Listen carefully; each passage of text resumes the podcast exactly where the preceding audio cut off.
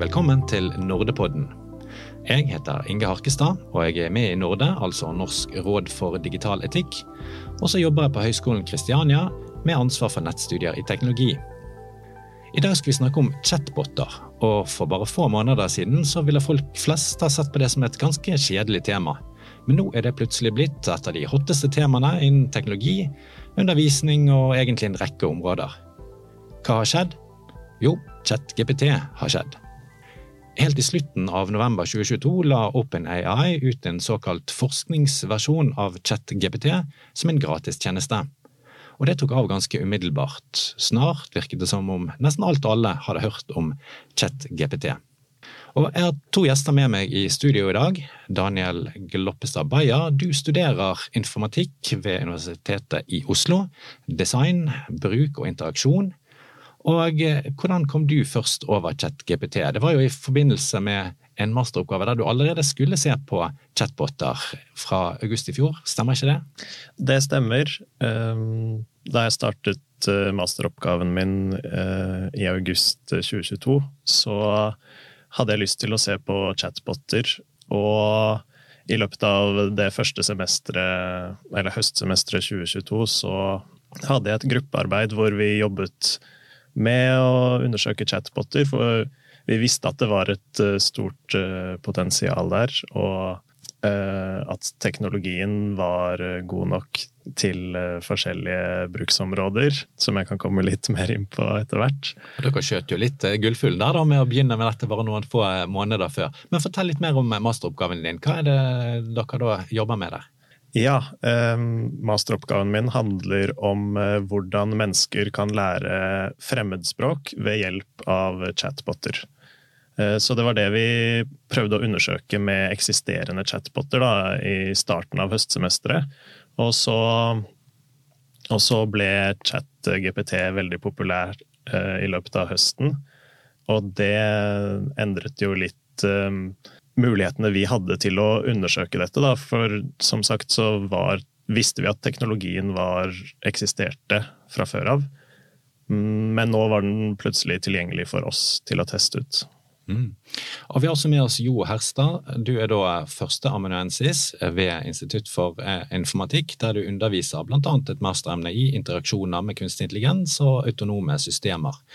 Um, så kan du bare da si litt om mulighetene i denne type verktøy?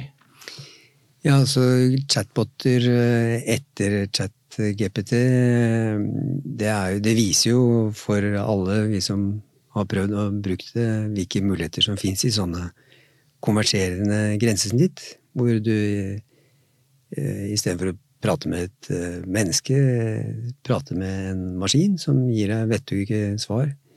Så i undervisningen som vi har, så, så, er det jo på to områder vi spesielt liksom utforsker nå. Da. Det ene er hvordan studentene lærer ved å bruke mønstergjenkjenning, software og tjenester.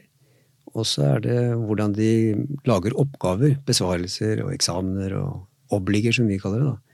Eh, hvordan de bruker disse verktøyene for å, for å generere forslag til, til svar. da. Så Daniel, hvordan uh, bruker du i praksis? Har du bare studert, eller bruker du det som et verktøy? Um, det startet med at jeg ville undersøke teknologien og forstå hva den kan brukes til. Um, og så har jeg oppdaget gjennom det at det er et nyttig verktøy, så jeg, jeg, tar meg selv i å bruke det til flere og flere praktiske oppgaver. da.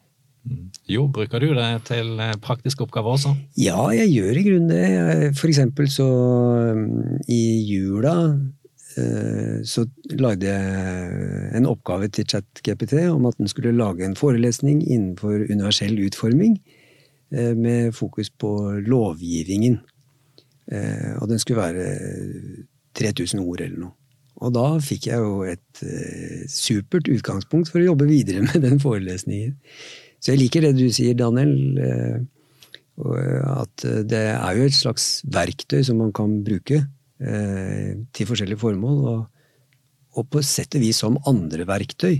Altså, vi er jo vant til å bruke blyant og papir som verktøy, og Google søk og litteratursøk eh, som verktøy, og nå får vi et på en måte enda kraftigere verktøy da, som vi kan benytte oss av for å gjøre forskjellige oppgaver. Mm. Men så er det vel et verktøy som har noen begrensninger, for uh, på min egen uh, testing så ser jeg jo at han iblant uh, tar feil. da. Han kommer med stor autoritet og hevder at sånn og sånn og sånn henger det sammen, og så hvis man går det litt nærmere etter i sømmene, så viser det seg å ikke stemme. Sånn, det er jo en språkmodell som ligger til grunn. Dette er noe som er lært opp for å bli flink til å snakke. Og så er det jo fascinerende hvor ofte han tar rett når han egentlig ikke har blitt kodet inn med kunnskap. Mm. Eh, men er det ikke fare for at vi da tror litt for mye på dette her, og så eh, klarer vi ikke å se når han tar feil? Absolutt, det er jo kjempeviktig poeng det du sier der. Eh, at vi kan ikke stole på det som kommer ut fra den type verktøy. Det kan vi jo med f.eks. kalkulator. Så er det ikke sånn at av og til når du tar kvadratroten av 75, så får du det ene, og av og til får du det andre. Så det har du helt rett i. Dette er jo en sånn et type verktøy som, eh, som, kommer med forslag og kommer med møn, genererer mønster. På samme måte som mønster, eh, visuelle eller språklige mønster som, eh, som man ikke kan stole på. Så, så, fra sånn undervisningssiden og fra læringssiden så er jo dette med kildekritikk og at man fortsatt er våken og, og lærer det sjøl, da. Mm. Det er jo det sentrale som vi som forelesere tenker på. At studentene skal, skal lære dette temaet. Og, og, da hjelper det ikke å få eh, kopiere en, verken Wikipedia-side eller en side i en bok, eller få et forslag fra ChatGPT. Så du må jo være kildekritisk og forstå dette sjøl. Du er ikke litt bekymret for at enkelte studenter kanskje ikke alltid opptatt av å lære, men å komme seg gjennom et, eh, et fag som de ikke har så god tid til, og da bruker eh, ChatGPT til å eh, få generert svar som, som, kan være gode nok til å komme seg gjennom de obligatoriske arbeidskravene, innleveringene, som, for å komme seg gjennom til og med en eksamen. Jo da, det er klart det kan være en stor bekymring, det. Personlig så tenker jeg at det, du vil alltid, hvis du tenker på store studentmasser, da, så vil du eh, hvis du tenker normalfordeling, så vil du alltid ha noen som prøver å ta letteste uh, utvei, og kanskje jukse litt. Og, det vil du også ha her. Og det vil bli enda lettere å jukse da, hvis du får uh, hjelpemidler, alle hjelpemidler tillatt. Mm. Men du kan jo i du kan jo fortsatt i dag sant, kopiere medstudenters besvarelser og å jukse og lure deg unna. Mm. Men det blir jo enda enklere nå. det er klart det. Så, og dette blir jo diskutert mye på, blant kolleger og, og sånn på universitetet, hvordan man skal forholde seg til evaluering. Da. Uh, og da er det jo blir det kanskje mer, vi vil kanskje se mer sånne hjemmeeksamener, eller eksamener uten, uten, hjelpemidler, uten noe bruk av bøker eller dataverktøy eller noe som helst. Hvordan tenker dere, Gjør dette det eh, enda mer viktig å kanskje være kritisk overfor både kilder og fakta, når man ser hvor, hvor lett det er å generere eh, ting som virker troverdig, men som faktisk viser seg å, å være feil? Ja, det, det, tror jeg. Eh, jeg har et, et, eksempel som jeg kom på nå mens Jo pratet. og det eh, Som femteårsstudent så driver jeg og søker litt jobber. Og da brukte jeg ChatGPT til å skrive en uh, jobbsøknad. Um, og så sendte jeg inn den. Og så, um, etter en ukes tid, så tenkte jeg hm, hvorfor har jeg ikke fått noe svar på denne jobbsøknaden? Um, og så leste jeg gjennom det litt ekstra grundig, med litt mer kritisk blikk eh, etterpå. Og da Dette er bare et eksempel, da, men den søknaden var skrevet mer kanskje mer som en amerikansk søknad eller utenlandsk søknad, mens jeg ser for meg at norske arbeidsgivere er ute etter litt mer jordnære søknader. Ja. Ja, nei, og Det er nok et, et, poeng, det. Jeg lurer på litt, Hvordan oppfatter du at det er å bruke eh, å kommunisere med denne type chatboter, du som har jobbet en del med det, kontra det å kommunisere med andre mennesker? Um, ja, etter å ha, sett, etter å ha brukt ChatGPT litt, eh, så, så, er eh, hovedinntrykket mitt at eh, Eller opplevelsen min er at det ligner mer på interaksjon med f.eks. Google-søk eller andre automatiske tjenester enn en samtale med et menneske.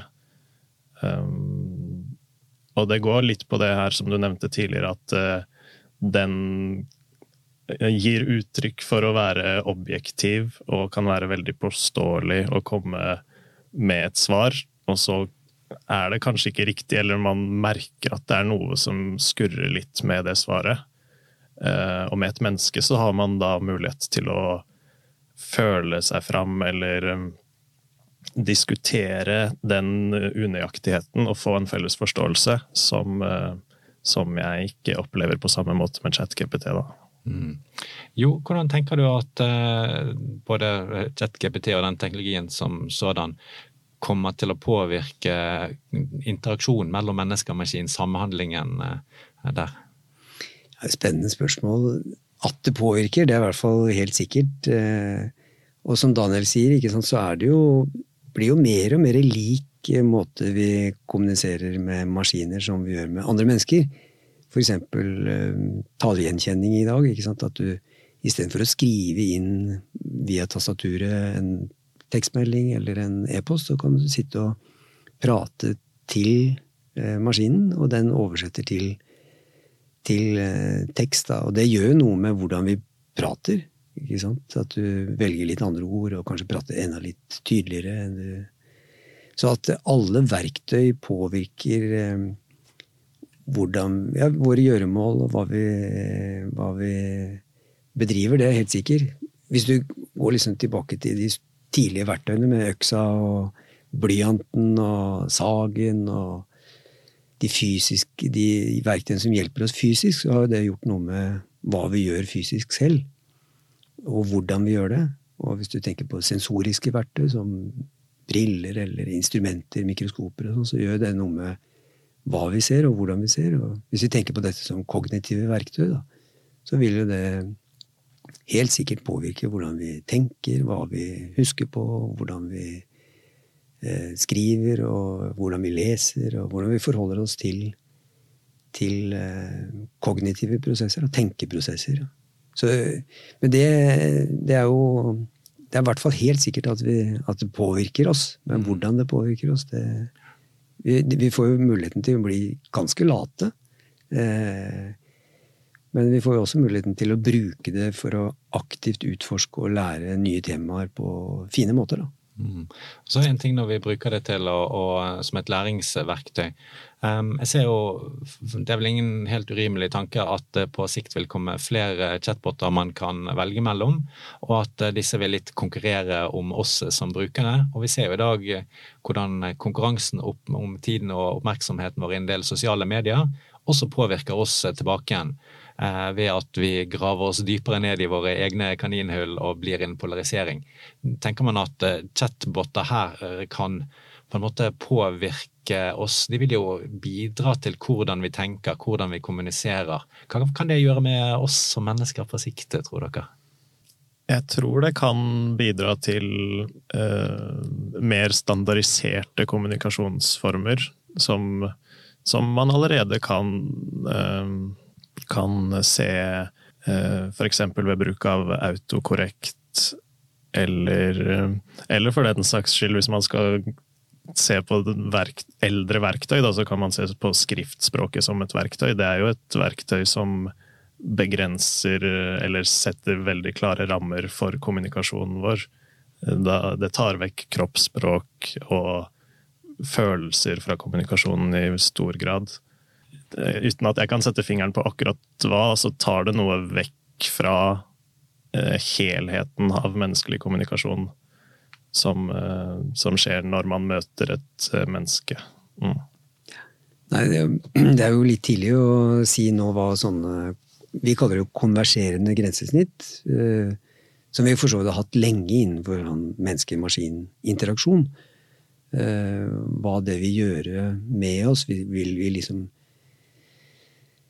bli latere, mer ivrig, eller glemme mer, eller huske mer. Det er vanskelig å si, da. Men at det vil påvirke, det er i hvert fall helt sikkert. Det var jo, som Daniel sier, ikke sant, så vil jo enhver form for verktøy eller teknologi påvirke. Når skriftspråket kom, er det jo liksom kjent at oi, da var det noen som tenkte at ja, men nå vil vi ikke huske noen ting lenger, for nå kan vi jo lagre det vi sier. Hvis man tenker seg at vi har en muntlig tradisjon, da. Altså, plutselig får muligheten til å lagre det i skrift, så er det helt fantastisk. Og da kan vi slippe å huske på så mange ting. Når eh, telefoner eh, fikk eh, Telefonnumrene på en måte ble borte, og vi fikk navn som vi slår opp i telefonen, på telefonen for å ringe, så glemmer vi jo telefonnumrene. Så det er jo masse eksempler på at det påvirker, men hvordan det påvirker, det tror jeg blir Det er jo opp til oss, da. Jeg tenker i hvert fall som underviser, og som at vi skal bruke det aktivt. Eh, og en, et trekk vi har sett, og som vi kommer til å se, det er at det er på en måte en inkluderende teknologi. da. Så I sånn universell utforming og tilgjengelighetstankegang så er mønstergjenkjenning og mønstergenerering veldig spennende teknologier, da. For du kan inkludere brukere som ja, på, hvilken, som, på hvilken måte da? Ja, for eksempel med, som Daniel nevnte, autokorrekt. Eh, hvis du har gode algoritmer for å, for å, rense opp i språket, så kan det hjelpe dyslektikere helt fantastisk. Eh, det er jo en kjent sak at mønstergjenkjenning for eh, svaksynte og blinde kan hjelpe veldig med å både måle avstand og se objekter i nærheten for barn uten stemme generere en personlig stemme, syntetisk stemme. Eh, mønster, ved hjelp av mønstergenerering. Så innenfor universell utforming så er det veldig veldig store muligheter. Både med chat-GPT og andre mønstergjenkjennings- og mønstergenereringsteknologier. Mm. Jeg kan ta et lite eksempel. at jeg Akkurat nå har eh, datamaskinen min jobbende med å gjøre en en podkast eh, tilgjengelig eh, som eh, tekst sitter maskinen min og kverner med akkurat nå. Så det hjelper jo absolutt til med en del type ting der, da. Du kaller det en er det konverserende grensesnitt du sier. Det betyr jo det at det er et grensesnitt inn mot andre teknologier, som man kan koble på andre tjenester i bakgrunnen. Og der vet vi at Microsoft har jo investert store summer, milliarder, i OpenAI for å få tilgang til disse teknologiene, og vil annet koble til søkemotoren sin, Bing, til til ChatGPT, for da å kunne utfordre eh, Google. Hva tenker dere om eh, mulighetene der? Det er jo vil dere bruke Bing eller Google hvis Google fortsetter som i dag og Bing får en, en chat-GPT-grensesnitt? Det er et veldig godt spørsmål, og det peker jo inn i et område som er som er veldig sammensatt og komplisert. Egentlig så vil jeg jo helst slippe å bruke noen av disse tjenestene, sånn av uh, etiske spørsmål rundt personvern og innsamling av data og åpenhet. Men uh, i praksis så bruker vi jo både Google søk og andre tjenester hvor vi leverer fra oss data til uh, bruk for kommersielle formål. da. Hva tenker du er da de hovedutfordringene med tanke på personvern?